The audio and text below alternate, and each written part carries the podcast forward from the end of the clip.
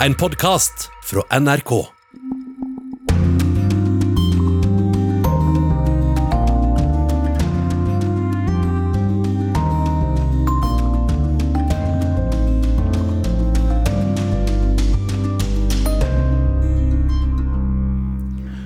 Velkommen til Urix på lørdag. I studio i dag Øystein Heggen.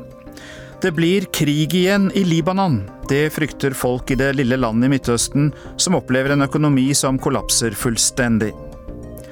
Trump hadde rett til å sende føderale soldater til Portland, sier James, en av byens unge republikanere. Men han tror uroen i byen kunne vært løst på en bedre måte ved å lytte til demonstrantene. The best way to make these end is give in to their demands. Police accountability and equal treatment for black people. Google, Amazon, Facebook og Apple. Teknologigigantene var kalt inn til høring i USAs kongress denne uka, og der fikk de gjennomgå. They discourage entrepreneurship, destroy jobs, hike costs, and degrade quality. Simply put, they have too much power. Vi skal høre en av Tom Christiansens afrikanske fortellinger fra Uganda. Og når hun kombinerte alt dette, urter, sex og ånder, ble hun uimotståelig og samtidig livsfarlig. TikTok forbinder vi med sang, dans og humor. Men i korrespondentbrevet setter Anders Magnus et kritisk søkelys på det populære sosiale mediet. Registrerer man seg på TikTok, kan dataoverføringen følge deg fra barn til voksen. Vil jeg at barnebarna mine skal vokse opp med det kinesiske kommunistpartiet på nakken? Og først i Urix på lørdag skal vi til Libanon, der folk fortviler over at landet altså er på vei mot kollaps. Valutaen har stupt, titusener har mistet sparepengene og jobbene, og dermed også kjøpekraften. Regjeringen trenger desperat milliarder av dollar, men ingen vil låne landet penger lenger. Mange libanesere har mistet håpet, og forsøker å reise fra landet. Vårt reportasjeteam har truffet noen av dem. How are you? Very bad. I'm going now to buy a medicine because here's Situasjonen min er veldig dårlig, sier Amal Bashur Fares med en kort latter. Hun er på vei til et apotek der hun vet at medisinene er billigere. Vi har ikke noe liv her nå. Vi betaler tre ganger så mye for vann og strøm nå, og regjeringen gir oss ingen hjelp, sier tobarnsmoren som er enke. My husband died 12 years ago. They killed them. Mannen hennes, en advokat, ble drept av en bilbombe for tolv år siden. Han var tilfeldigvis i nærheten da nok en politiker ble offer for et bombeattentat. He went to work Yeah. and never come back. Oh, in a car bomb. Yes. Han gikk på jobben og kom aldri hjem igjen, forteller Amal, som er kledd i shorts, hvit singlet og sandaler. Det lange håret hennes blåser litt i vinden. Amal Bashur Fares har levd med kriger, politiske kriser og drap, men likevel har hun alltid elsket Libanon og alltid hatt et håp for dette landet. I love Lebanon. I love Lebanon. Men nå har hun gitt opp. I have always hope in this country, but uh, now no more. But now I have to leave. I You have to leave. Yes. Nå må jeg dra herfra. Hun vil til USA. Men mens hun fremdeles er her, forsøker hun å hjelpe andre. Vi treffer henne av alle steder utenfor formidlingsbyrået for etiopiske hushjelper i Beirut. Vi har hørt at et stort antall libanesiske familier ikke lenger har råd til hushjelpene sine, og at mange av dem nå sitter på gaten, bokstavelig talt. Vi dro for å sjekke, og ganske riktig, utenfor det nå stengte formidlingsbyrået treffer vi 10-12 etiopiske kvinner i sommervarmen. Noen sitter og noen ligger på en platting. De fleste er mellom 18 og 30 år. Kvinnene har med seg røde og svarte ferdigpakkede kofferter, rutete bager og noen plastposer. De er klare til å dra. Ingen vil gi oss intervjuer, men de forteller oss likevel at de vil hjem til Etiopia nå, men at det er arbeidsgiveren deres som har passene og papirene deres, så de kommer seg ikke av gårde. Og det er mens vi snakker med kvinnene fra Etiopia at Amal Bashur Fares roper på oss. Hun sier at vi må ikke tro på det kvinnene forteller oss. Uh, they are not at home. They don't leave their homes. They are they are working outside because I came twi- uh, this is the second time to take a girl to work at my home. They don't want to come. De har ikke blitt sagt opp fra noens hjem. For disse kvinnene jobber på gata. Dette er Libanons skyggeside. Og disse kvinnene jobber på det svarte markedet, mener Fares. Hva gjør de på det svarte markedet, spør jeg. Prostitution. Prostitusjon. Fares har vært her flere ganger før og forsøkt å hjelpe etiopiske søstre. Hun har tilbudt flere av dem kost, jobb og losji, 200 dollar i måneden, for å jobbe hjemme hos henne. Men alle avslår tilbudet. Igjen forsøker Amal Fares å snakke med en ung kvinne.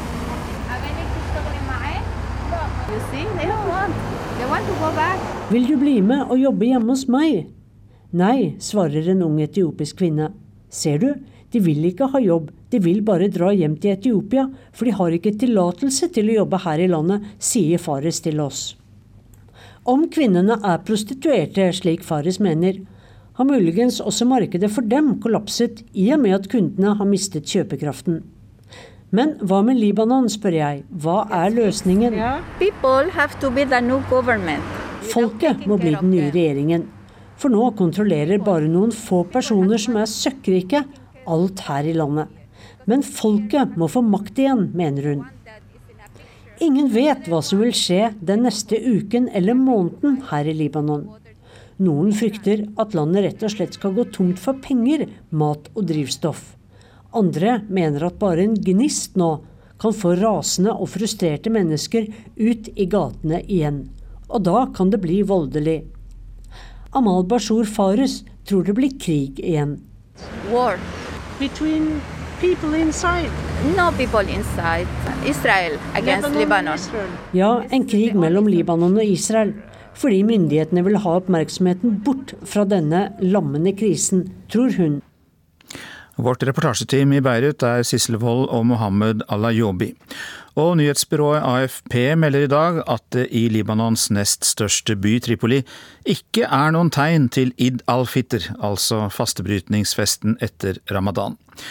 Ingen blinkende lys i mange farger, for det er ingen elektrisitet. På et skilt ved bygrensen ønskes folk velkommen med en kort beskjed. We are broke. Vi er konk.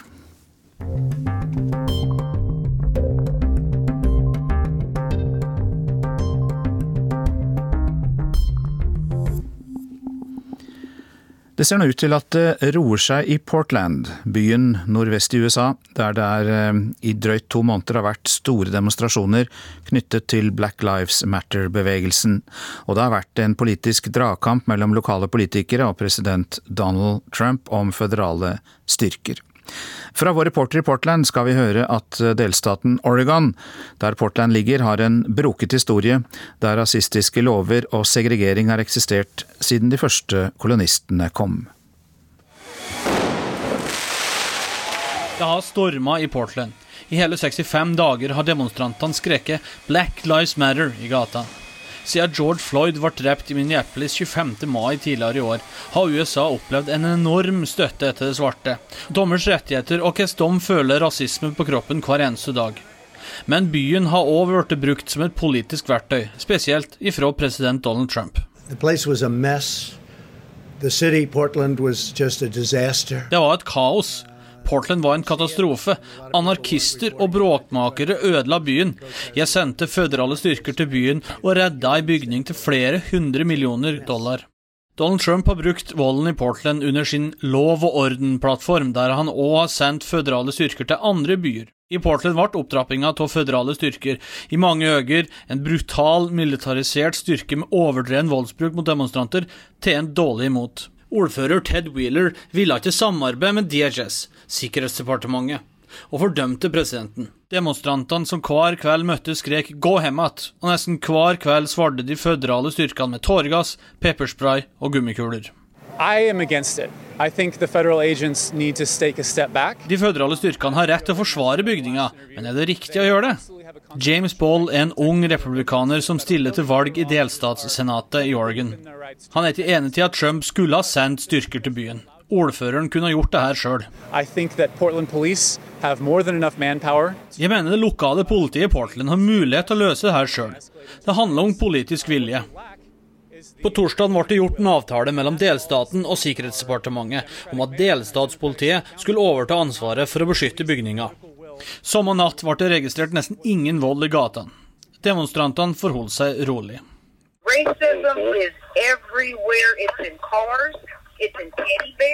Du finner rasisme overalt. I leketøy, parker, i bygninger og i kontorlandskap. Og veldig få personer skjønner det her. Det sier Bird, en organisator for svarte i Portland. NRK møtte henne ute blant demonstranter tidligere denne uka. Hun har nå samla flere aktivister som forteller om hvordan byen, som mange andre i USA, sliter med rasisme. Og det sitter dypt. A um, a place of business. I ask a question. Uh, clerk behind the desk. Jeg gikk inn i en butikk og spurte betjenten om noe, og så hysja han på meg. Jeg sa at det her kan du ikke gjøre, men da ringte han politiet og sa at han ble rana med kniv. Og det neste som skjer, er at politiet kommer og banker meg opp for å ha gjort absolutt ingenting. Fordi jeg er svart, kan jeg bli behandla slik. Det her er rasisme vi føler hver dag. Det sier Christoph Clay, som er musiker. Oregon har ei mørk fortid. Delstaten ble innlemma i føderasjonen i 1859, men allerede i 1844 ble det vedtatt lover som forbød svarte å bo i delstaten. Den siste av disse lovene ble avskaffet i 1929, men fortsatt så føler de svarte i Portland rasisme på kroppen, og at det er enorme endringer som må til, og ikke bare ny politisk styring. What will help the people is defunding the police and putting that money into our community. Our schools, Finansiering er nøkkelen. Skolene har for lite penger. Sykehusene har for lite penger. De sosiale programmene får aldri starte opp. Mens politiet, som bruker 250 millioner dollar hvert eneste år, der det egentlig er veldig lite kriminalitet, det er helt sprøtt. We don't have to take one giant step in the, to make it all happen right away. Vi må høre på de svarte stemmene, sier demonstrant Kirsten ute i gata i Portland. Hun støtter kampropene om å flytte penger fra politiet til andre deler av samfunnet. Men det er ikke noe som kan gjøres over natta. The best way to make these end is, is given to their, their demands. What are their demands? Police accountability and equal treatment for black people. Not that hard. Republikaneren James mener det ikke er så vanskelig å blidgjøre demonstrantene. Innfør politiske tiltak som faktisk vil endre samfunnet. I stedet peker de finger og skylder på Donald Trump som òg tidligere i uka sa at han ville sende inn nasjonalgarden om det ikke ble rolig. Og det, ja, det er nå opp til demonstrantene i Portlands gater. Og det var eh, Lars Os som rapporterte fra Portland. Vi blir i USA, for denne uka var teknologigiganten kalt inn til høring i en av komiteene i Kongressen. Lederne av Facebook, Google, Amazon og Apple fikk høre at de har for mye makt, driver sensur, kveler konkurranse og bidrar til at innovasjon i andre bedrifter undertrykkes. Intet mindre. La oss høre demokratenes komitéleder David Sicilioni, og deretter republikanernes eh, fremste representant i komiteen, Jim Jordan. Many of the practices used by these companies have harmful economic effects. They discourage entrepreneurship, destroy jobs, hike costs, and degrade quality. Simply put, they have too much power. But we're 97 days before an election. The power these companies have to impact what happens during an election, what people, what American citizens get to see prior to their voting, is pretty darn important. Og så noe glimt fra gigantselskapenes ledere. Først Jeff Bezos, verdens rikeste mann og sjef for Amazon. Han startet med å kjøre pakkene til postkontoret selv, og drømte om å kjøpe en gaffeltruck, forteller han. Og så sa han at Amazon er besatt av kundenes behov. I was driving the packages to the post office myself, dreaming that one day we might afford a forklift. Customer obsession has driven our success. The customers notice when you do the right thing.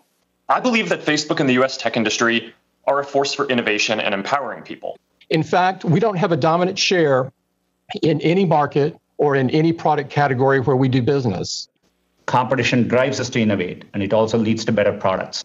Competition also sets higher standards for privacy and security. Sundar Pichai fra Google eh, sist der, og vi hørte altså da også Jeff Bezos fra Amazon og Facebooks Mark Zuckerberg og Apples Tim eh, Cook.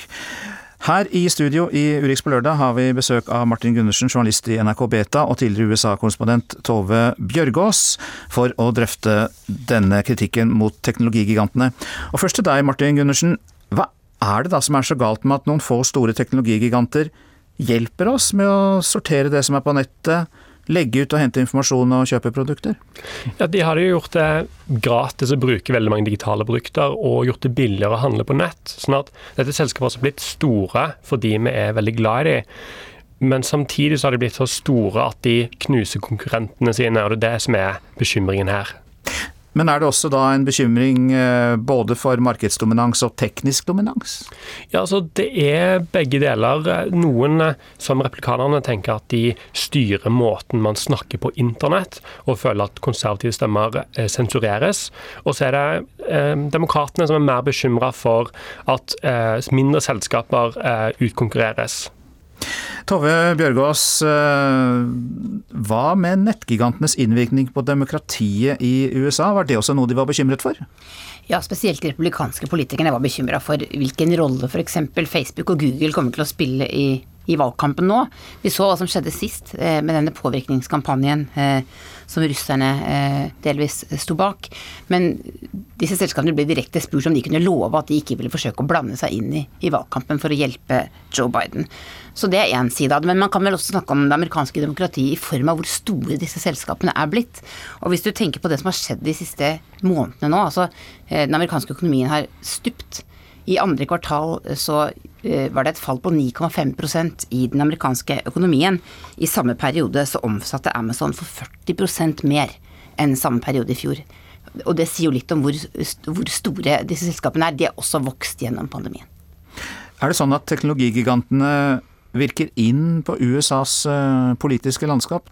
Hva tror du? Ja, ja det gjør jo det. Altså, spesielt Jeff Bezos er jo interessant her. Han, eh, grunnleggeren til Amazon. Han eier jo eh, Washington Post, eh, en avis han kjøpte for noen år siden og gjorde ganske mye med. Og det han bl.a. gjorde, det var å styrke den politiske redaksjonen og gravejournalistikken til den eh, avisa. Og det ser vi veldig tydelig nå i dekningen deres. Så det er jo ett eksempel. Kan vi vente oss noen resultater av denne høringen, Martin Gundersen, eller er det bare sånn at uh, politikerne fikk uttrykk for sin frustrasjon? Det man ofte sier at På kort sikt så er dette med på å sette en stemning og en kontekst man kan jobbe ut ifra. Nå er det flere amerikanere og folk i verden som kanskje har et mer kritisk blikk på Facebook og Google og Amazon enn de hadde før. Og det er viktig. Eh, det handler om en stemningsskifte hvor man går fra å ha eh, den aura rundt selskapene. For noen år siden var de uh, umulig å angripe, for de var amerikanske suksesshistorier. I dag er det dominerende selskaper som man stiller spørsmål med. sånn at det er viktig der.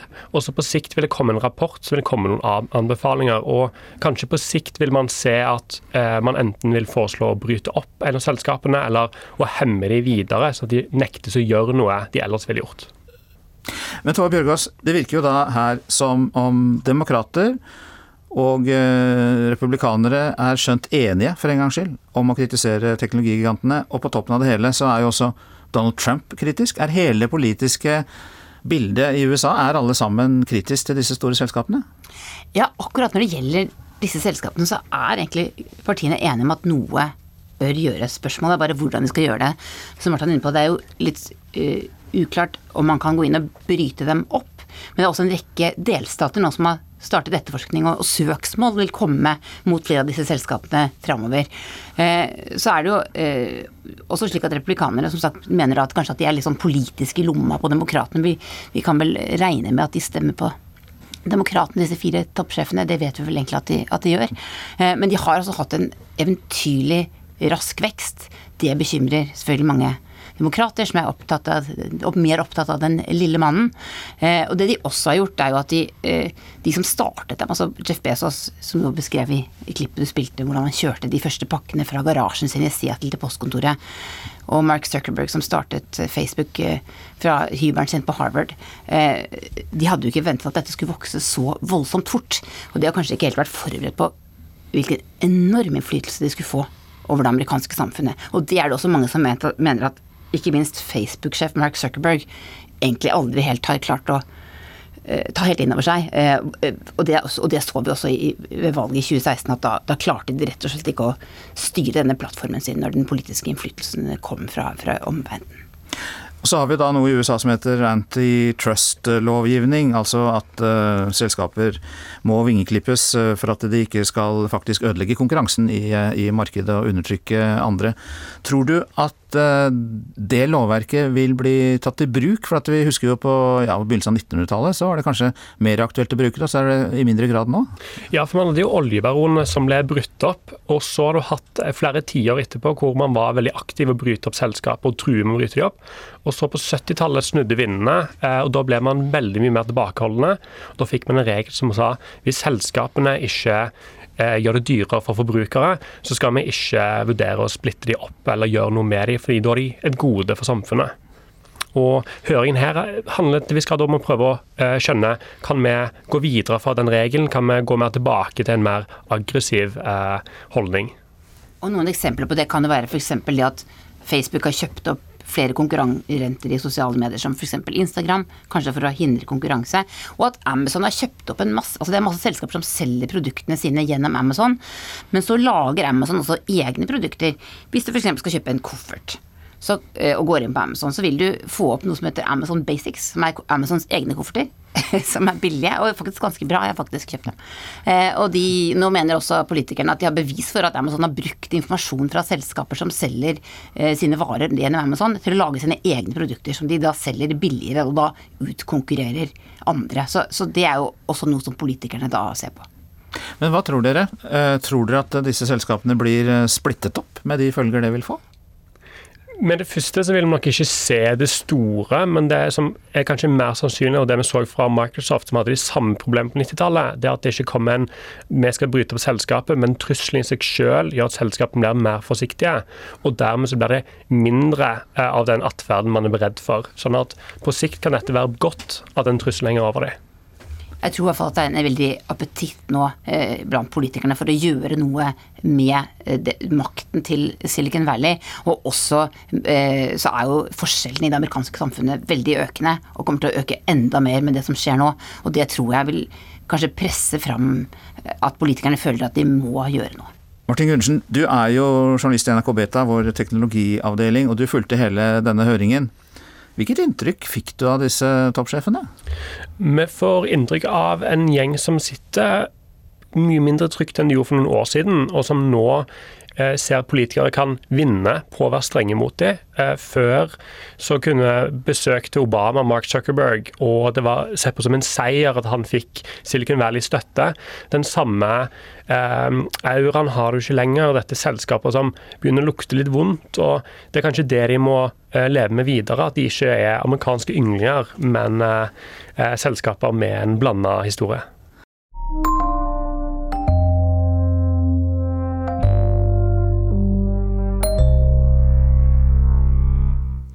Vi har i dag hørt at USAs president Donald Trump sier han vil forby den kinesiske appen TikTok.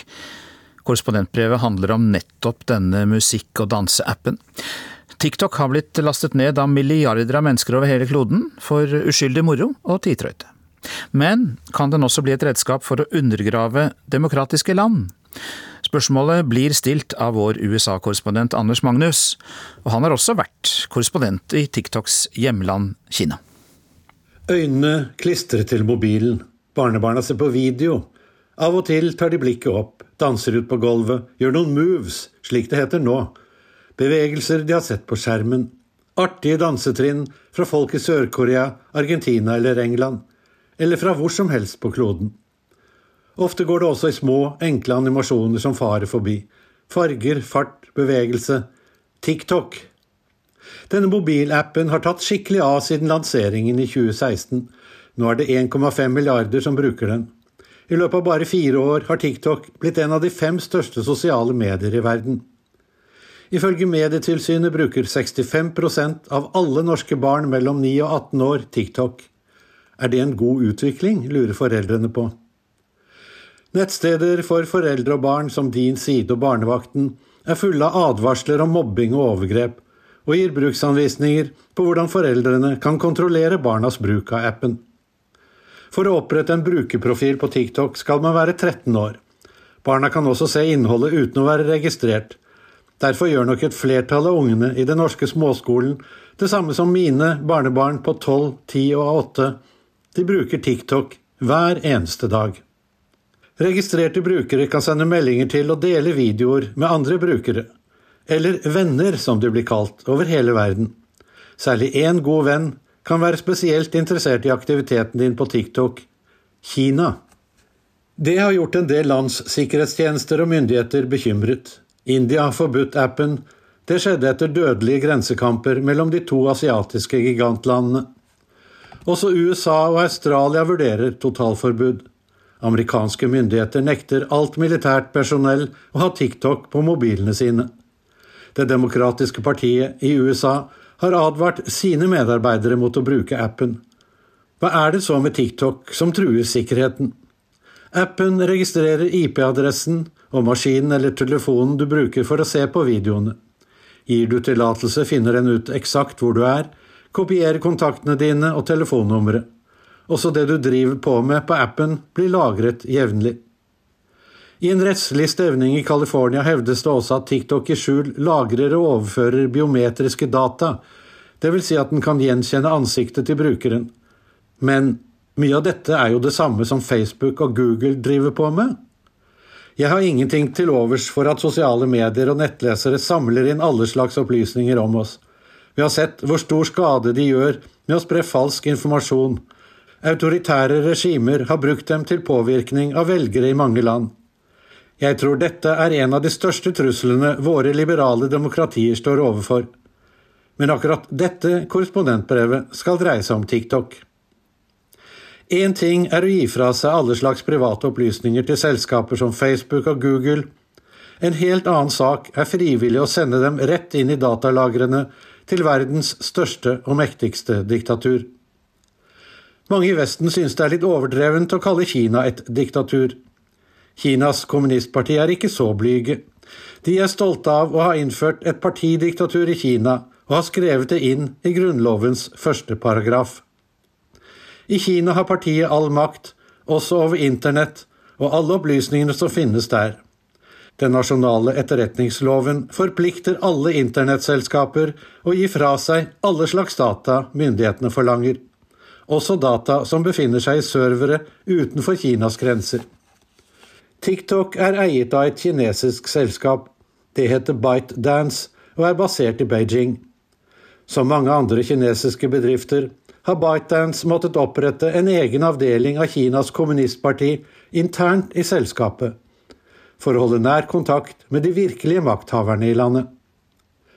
Markedene i Vesten er ofte skeptiske til Kina og kommunistpartiet. Derfor har TikTok ansatt en tidligere Disney-direktør som sjef i USA. Han er amerikaner og bedyrer at selskapet ikke leverer ut data til kinesiske myndigheter. Kanskje snakker han sant, Likevel er det mulig at kinesisk etterretning uansett snapper opp persondata fra TikToks milliarder av brukere verden over, f.eks. gjennom en algoritme som kjøres parallelt til ByteDance datainnsamling. Som alle andre kinesiske internettselskaper er også ByteDance og TikTok underlagt myndighetenes sensur. Selskapet har blokkert innlegg om massakren på Den himmelske fredsplass i Beijing i 1989. De har fjernet innlegg om uavhengighet for Tibet, om demokratibevegelsen i Hongkong og om at Kina holder over én million muslimske uigurer i fangeleirer i Xinjiang. Men også amerikansk politikk har blitt sensurert, bl.a. emneknaggene Black Lives Matter og George Floyd. Verre enn sensur er muligheten for manipulering og propaganda. F.eks. ved at man kan gripe inn i demokratiske valg i andre land ved å fremme kandidater som har ett bestemt politisk syn, og kanskje er positive til Kina. Ved å utnytte persondata kan det skapes problemer for medlemmer av Amnesty eller andre aktivister som tør å kritisere menneskerettighetsbrudd i Kina. Og man kan manipulere politiske massebegivenheter, slik avisen The New York Times mener TikTok var medansvarlig for da titusener registrerte seg for gratisbilletter til et valgkampmøte med Donald Trump. Men så unnlot de å møte opp, og Trump fikk dårlig PR. Mange Trump-kritikere syntes sikkert dette var flotte greier, inntil slik manipulering går utover den politikk og de politikere man selv støtter, eller at man griper inn i et demokratisk valg i et annet land ved å sende ut troverdige, men falske opplysninger. F.eks. om at poststemmer ikke er tillatt, eller at valglokalene stenger før de egentlig gjør det. Men hvorfor skulle kinesiske myndigheter være villige til å bruke en danseapp på denne måten? Fordi Kinas kommunistparti har erklært ideologisk krig mot vestlige liberale demokratier. I et internt partidirektiv beskrives trusselen fra vest og at partiet er i en intens ideologisk kamp. Ifølge direktivet er dette noen av de farligste truslene mot kommunistpartiets maktmonopol i Kina. Universelle menneskerettigheter, pressefrihet, maktfordeling, et uavhengig rettsvesen og fri flyt av informasjon på internett. Får Kinas innbyggere tilgang til slike goder, vil man citat, 'undergrave partiets sosiale fundament' og hindre utviklingen av sosialismen i Kina, heter det i direktivet. For å hindre at det kinesiske folket får slike skadelige tanker om frihet og demokrati, er kommunistpartiet i ferd med å innføre en overvåkning av egen befolkning som mangler sidestykke i historien. All presse og alle innlegg på internett er underlagt sensur. Nå ønsker myndighetene også kunne kontrollere bevegelsene til alle innbyggerne i sanntid, bl.a. gjennom ansiktsgjenkjenning. Jeg har selv opplevd denne intense kontrollen. Som NRKs korrespondent i Beijing i fire år ble jeg utsatt for omfattende overvåkning. Selv om jeg i egne øyne ikke hadde gjort noe galt, var det svært ubehagelig og også ganske truende å bli utsatt for at storebror hele tiden holdt øye med meg. Situasjonen var ille den gang, nå er den mye verre. Den ideologiske krigføringen er mer intens enn noen gang. I Kina har man i mange år forbudt flere hundre apper og nettsteder fra vestlige land. Blant de mest kjente er Facebook, Twitter, YouTube, Instagram, Google, Netflix, Wikipedia, BBC, The Guardian, New York Times, Washington Post, Le Monde etc., etc. Bør vi følge kinesernes eksempel og forby apper og nettsteder med base i Kina, fordi vi frykter at de kan true vår sikkerhet og vårt demokrati? Etter å ha bodd i Kina i fire år og sett det kinesiske overvåkningssamfunnet på nært hold, er jeg bekymret for framtida. For den kinesiske ekspansjonen vi ser over store deler av verden. Registrerer man seg på TikTok, kan dataoverføringen følge deg fra barn til voksen. Vil jeg at barnebarna mine skal vokse opp med det kinesiske kommunistpartiet på nakken? Mye stygt blir sagt om USA i disse Trump-tider. Men er det bedre om et Kina under kommunistpartiets ledelse overtar verdenshegemoniet? Jeg tror det kan bli mørke tider. Og i likhet med Leonard Cohen tror jeg ikke vi vil like det som kommer etter Amerika. I sin siste diktsamling The Flame skriver Cohen You have no understanding of the consequences of what you do. Oh, and one more thing. You aren't going to like what comes after America. Vi hørte eh, korrespondent Anders Magnus, og i dag kan altså TikTok bli forbudt i USA. President Trump sier forbudet kan komme som en presidentordre, eller han vil bruke økonomiske kriselover, melder flere amerikanske medier.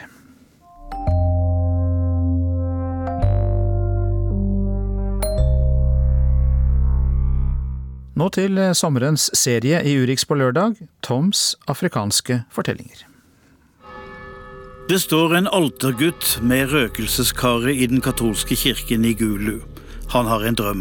Han vil bli militær. Han vil at landet hans en dag skal styres etter de ti bud. 15 år seinere bygger han en hær av bortførte smågutter og skaffer seg flere dusin småjenter som koner. Etter hvert skal han klatre opp på listen over de ti mest ettersøkte forbrytere i verden. Det er en sann historie og jeg fant den i Uganda. Toms afrikanske fortellinger.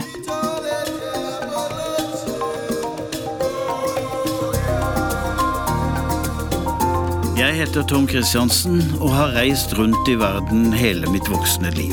Som korrespondent for NRK bodde jeg i Afrika, og i avkrokene kom jeg over historier jeg nesten ikke kunne tro.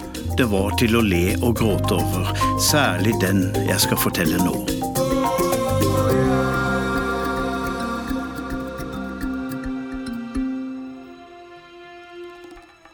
Det er 15 år siden nå. Jeg var kommet til Gulu nord i Uganda og skjønte ikke det jeg så.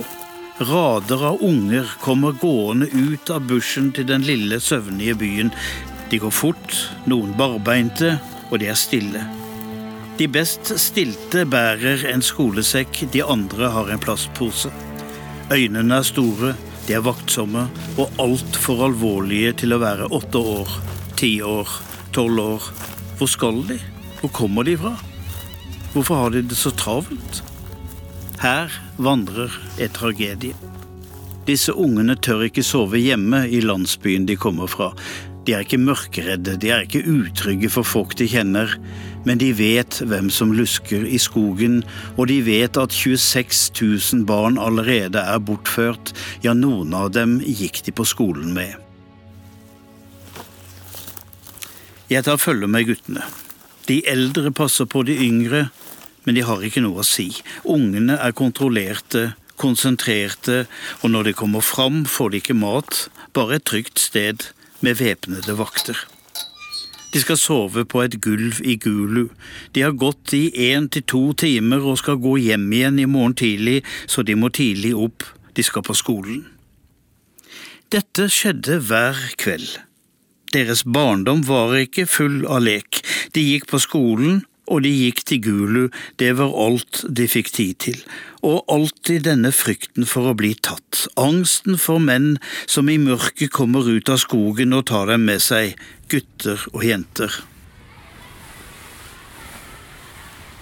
Jeg ser innover i sovesalen, de tynne guttekroppene.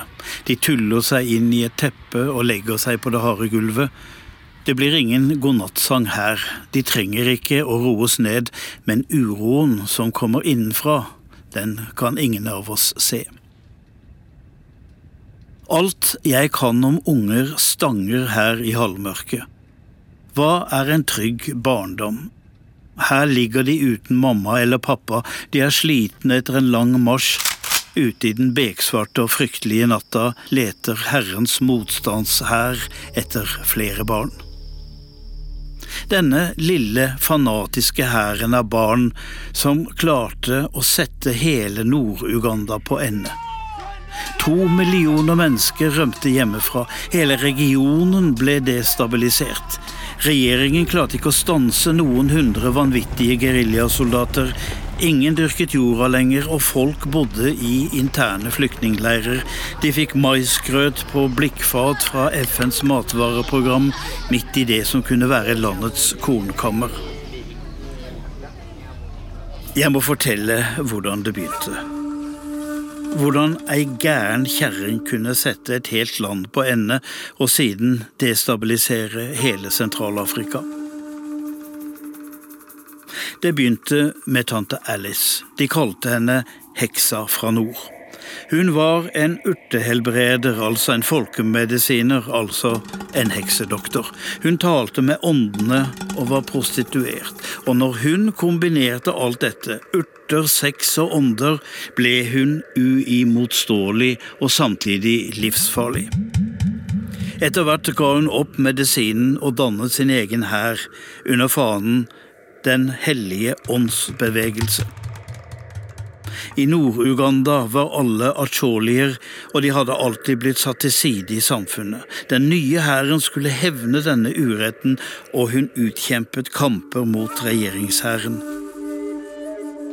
Soldatene hennes fikk vite at den oljen hun smurte dem inn med, ville motstå kuler. Men det gjorde den ikke, så både soldater og folk langs veiene mistet etter hvert troen på denne prostituerte generalen. Da tok nevøen over, Josef, altergutten som var blitt voksen. Han var også full av ånder, men hadde aldri lest ei bok. Josef drev ut av skolen ganske tidlig og fikk seg ingen jobb. Men i en alder av 26 år fikk han en åpenbaring. En avdød kinesisk født militærleder kom til ham i en drøm og ba han frigjøre landet fra den nye presidenten. Acholiene skulle få sin rett, men acholi-folket vendte seg mot ham på grunn av hans strenge krav. Så han begynte å bortføre barn. De ble tatt om natten, sendt bort og gjort til soldater. Jentene ble tjenestepiker og etter hvert sexslaver for kommandantene. Noen av dem klarte å smugle et budskap til far og mor, og hadde ikke gode nyheter. Jeg skal ha barn, er beskjeden fra en 13-åring til sine foreldre. Men hvem er Joseph Coney i krig med egentlig? Mesteparten av maktutøvelsen går med på å bortføre barn og bygge hæren. De angriper ingen andre enn landsbyer som de plyndrer for mat og barn. Eller de slåss mot regjeringshæren når den dukker opp. Eller de ryker uklar når de går over grensa til Sør-Sudan eller Kongo. Hva er det Joseph vil, Joseph Corney, leder for Herrens motstandshær? Han sier det er de ti bud som skal være Ugandas grunnlov, men han har da brutt flere av dem allerede. Du skal ikke drepe, men nå både dreper og lemlester han. Du skal ikke drive hor, men han har 60 koner. Du skal ikke stjele, men han røver barn. I'm a military position who is fighting uh, in Uganda. I'm a freedom fighter who is for freedoms in Uganda. Mm. But I'm not a terrorist. Men Josef Corney har mer enn ti bud. Han har sine syner og drømmer. Han snakker med forfedrene, med tante Alice og kanskje med sine drepte kommandanter. Han får innfall om hvordan de skal rykke fram, hvor de skal flytte troppene, hva de skal tro på. Han feirer jul og påske som en annen kristen, og faster gjennom hele ramadan. We want the people Uganda to be. Han skal rense Nord-Uganda. Rense dem slik Herren i Det gamle testamentet, da israelittene vendte seg til fremmede guder i Gosen og Egypt. Slik at choliene vendte seg til president Museveni, rense landet, og de reneste skal han lage selv. Avkommet av jentene han har fanget, de skal bli den nye stammen i slektens gang, så han må ut og finne fler. Og det er det han skal nå. Det er blitt mars i året 1989. Det er en sen kveld på St. Mary's College i Aboke. Jentene har nettopp bedt aftenbønnen, og nonnene har takket Gud for at de er blitt spart. Men det skal bare vare noen timer til, for midt på natten kommer en styrke fra Herrens motstandshær og banker på døra. På vinduet. Banker overalt. Og innenfor er det mørkt og stille. De kommer seg inn og tar med seg 139 jenter i alderen 12 til 15 år. De rekker også å voldta noen av dem. Ellen er en av jentene. Forsiktig, nølende, aldri frampå. Hun vet hva dette er. Hun har opplevd det før, da slektninger ble bortført av barnesoldatene, men nå dyttes hun opp og fram. Hun oppdager de mange lommelyktene utenfor, og nå ser hun det Soldatene er ikke eldre enn henne selv.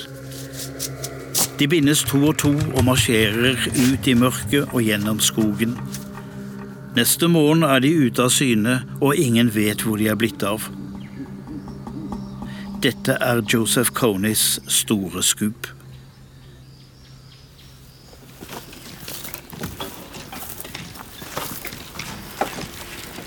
Langsmed veien stanser de en gammel mann på sykkel. Barnesoldatene spør om han ikke vet at det er synd å sykle. Nei, det var nytt for han, men han sa at han hadde vondt i beinet og kunne ikke gå. Han brettet opp buksa og viste fram et væskende sår. Du trenger ikke det beinet, sa en av dem og ba to jenter om å hugge det av. Så oppdaget kommandanten at en av jentene manglet, hun hadde gjemt seg, og ble trukket fram, lagt på bakken, og Ellen fikk beskjed pisk henne. Flere jenter må bruke kjeppen, men får selv bank når de ikke slår hardt nok. Slik ble Ellen en morder. Hun og de andre slo og slo venninnen til hun døde, og de begravde henne ikke. Jentene blir omgruppert og marsjerer videre. Kjolene er allerede blitt fillete. Da kommer en gruppe soldater ut av bushen, og Ellen stivner. Hun måper. Der står hennes halvbror i uniform med et maskingevær i hendene. Han gjenkjenner henne, men begge to skjønner de må ikke røpe at de kjenner hverandre, da blir de skutt begge. Så de later som ingenting, mens de burde storme fram ungdommene og omfavne hverandre. Hele natten ligger Ellen og tenker på broren. Så er det nye strekk og nye dager, lite mat og dårlig vann. De passerer området med fare for å bli sett, men kommer seg videre. Jeg lurer på, går ikke alarmen noe sted? 139 jenter på en katolsk internatskole er tross alt blitt bortført. Hæren reagerer, det kommer et helikopter på søk, men jentene står under trærne. Men ingen brigade legger ut. Noen av jentene blir nå marsjert like til Josef Kornis leir. Ellen gjør som hun blir bedt om. Her er en merkelig ro. Mange kvinner er i arbeid. Klesvask, barnepass, det ryker fra kokekar. Damene står i grupper og betrakter nykommerne. Ellen setter fra seg det hun har, og får tildelt et telt. Det bor en kommandant der allerede. Han blir hennes mann nå. Overalt kryr det av barn. Hun skjønner at her skal hun miste sin jomfrudom for å føde unger til hæren. En antenne ruver over det største teltet, som også har solcellepanel på duken. Det er til satellittelefonen, forteller noen. Ellen aner ikke hva det er. De kalles til kveldsbønn i solnedgangen, og da kommer Joseph Coney, liten og tynn med flakkende blikk. Han går aldri alene. Livvaktene danner en halvsirkel, og Ellen kjenner på frykt og forakt så puslete og så fæl. I'm not guilty. I'm not guilty. Uh, I'm not guilty. La oss be.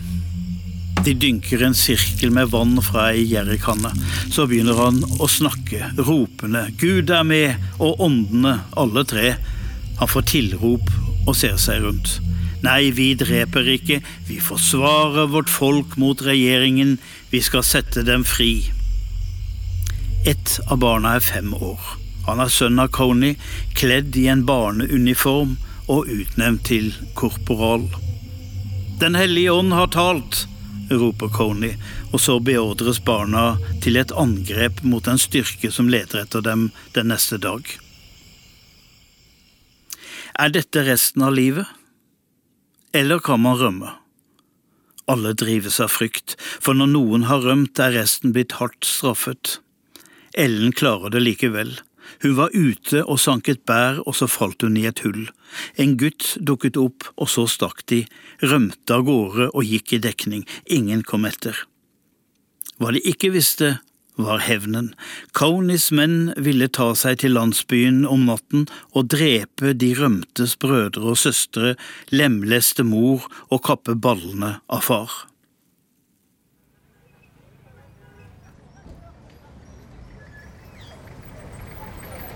Jeg er i Gulu, langt borte. Der er dagene langsomme, men det skjer da noe. Særlig i hagen ved det lille hotellet Acholi Inn, for ingen er riktig sikre på hvem som er gjester. Er de Coneys menn? Skumle forretningsfolk? Høytstående eksperter fra FL? En forsiktig mann beveger seg diskré under akasjetrærne ved uteplassen. Det er Sam, en av Coneys menn. Han har bodd her i ett år, og alle vet hvem han er. Han rømte. Hotellets sjef er i militær uniform. Det er fordi han samtidig er hærens etterretningssjef her i nord. Og den han skal overvåke, er annet hotellgjest på andre året, Sam fra Joseph Coneys hær. Han belaster hotellet med svære telefonregninger, han har så mange koner å ringe til. Men her er flere å merke seg. En tykk, stor mann i rutete skjorte kommer vandrende bakoverlent for å balansere ølvomma. Han ser det er en ny mann og kommer til mitt bord. Spanderer du? Hva skal du ha? Jeg bestiller selv, sier han. hvem han er? Walter, sier han. Ordfører i Gulu. Han holder på med valgkampen. Kelneren tar imot bestillingen et halvt kjøkkenglass med whisky og pils til å fylle opp, takk. Jeg må betale fire slike melkeglass, og så forteller han om valgkampen han er midt inne i. Hans valgløfte nummer én er å drepe Coney. Nå samler han også inn penger, for det vil koste noen skilling. Sam tar meg med over til den gamle skolen. Bygningene er omgjort til senter for Coneys rømte folk. Mange av dem er barn. De spiller fotball og ler. Så er det time, men få av dem snakker. For disse ungene her, 14, 15, 16, var inntil året i forveien Coneys drapsmenn. De vet ikke hvor mange de har skutt, men de kom seg unna, og her sitter de over tegnesakene. De er ødelagte, språkløse barn uten liv i øynene, og jeg ser hva de tegner. Maskingeværer, pistoler, drap, macheter som deler mennesker, blod og kuler. Alt er destruksjon. I en annen bygning sitter 30 kvinner ved symaskinene. Dette er sexslavene. Noen av dem var også soldater. De er fra 15 til 40. En ser skamfert ut. Hun fikk leppene skåret av, nesa og til og med ørene er borte. En av dem, Ellen, som jeg til nå bare har hørt om. Hun som ble tatt til fange på jenteskolen av KB, og som havnet hos Coney. Flukten har lykkes, nå skal hun mentalt lappes sammen. Og så begynner kvinnene å fortelle.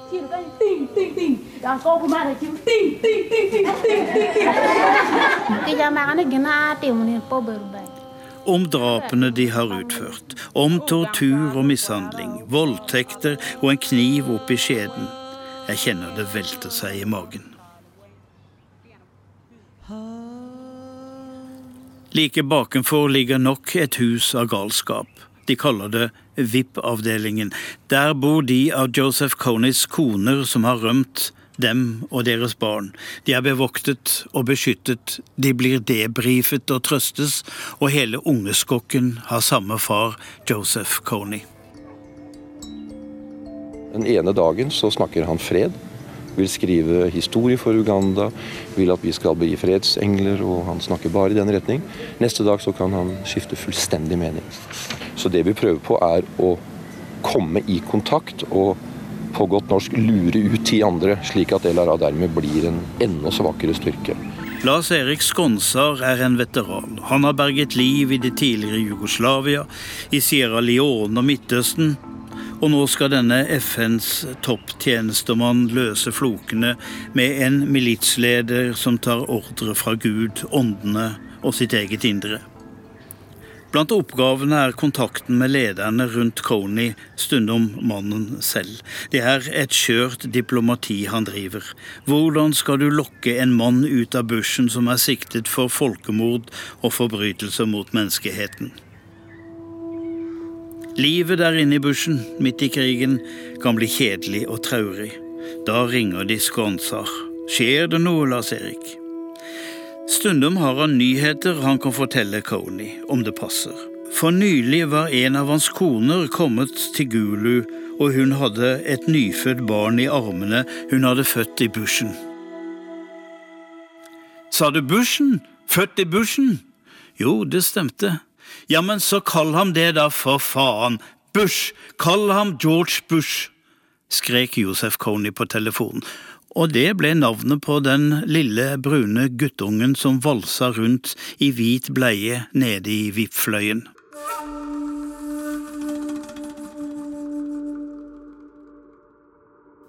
For to år siden ga Uganda opp å finne ham, eller som de sa, oppdraget med å nøytralisere dem er nå fullført. Det tenker ikke Ellen mye på.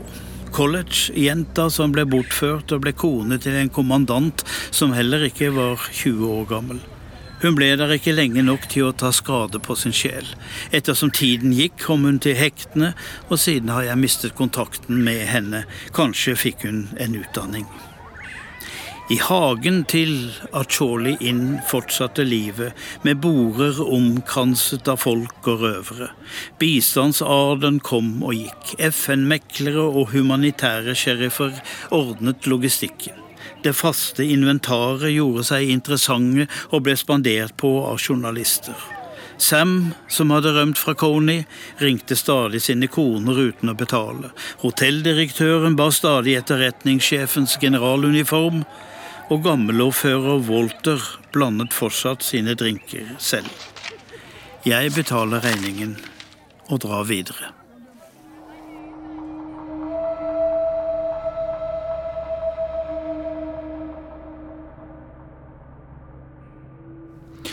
Du har eh, hørt en av Tom Christiansens afrikanske fortellinger. Klipp og lyddesign var ved Hilde Rolfsnes. Musikken var laget av Marius Christiansen. Og flere av de afrikanske fortellingene kan du finne på nettstedet radio.nrk.no, eller der du vanligvis henter din podkast. Og denne utenrikstimen var ved teknisk ansvarlig Stein Nybakk. Produsent var Truls Lier, og her i studio Øystein Heggen.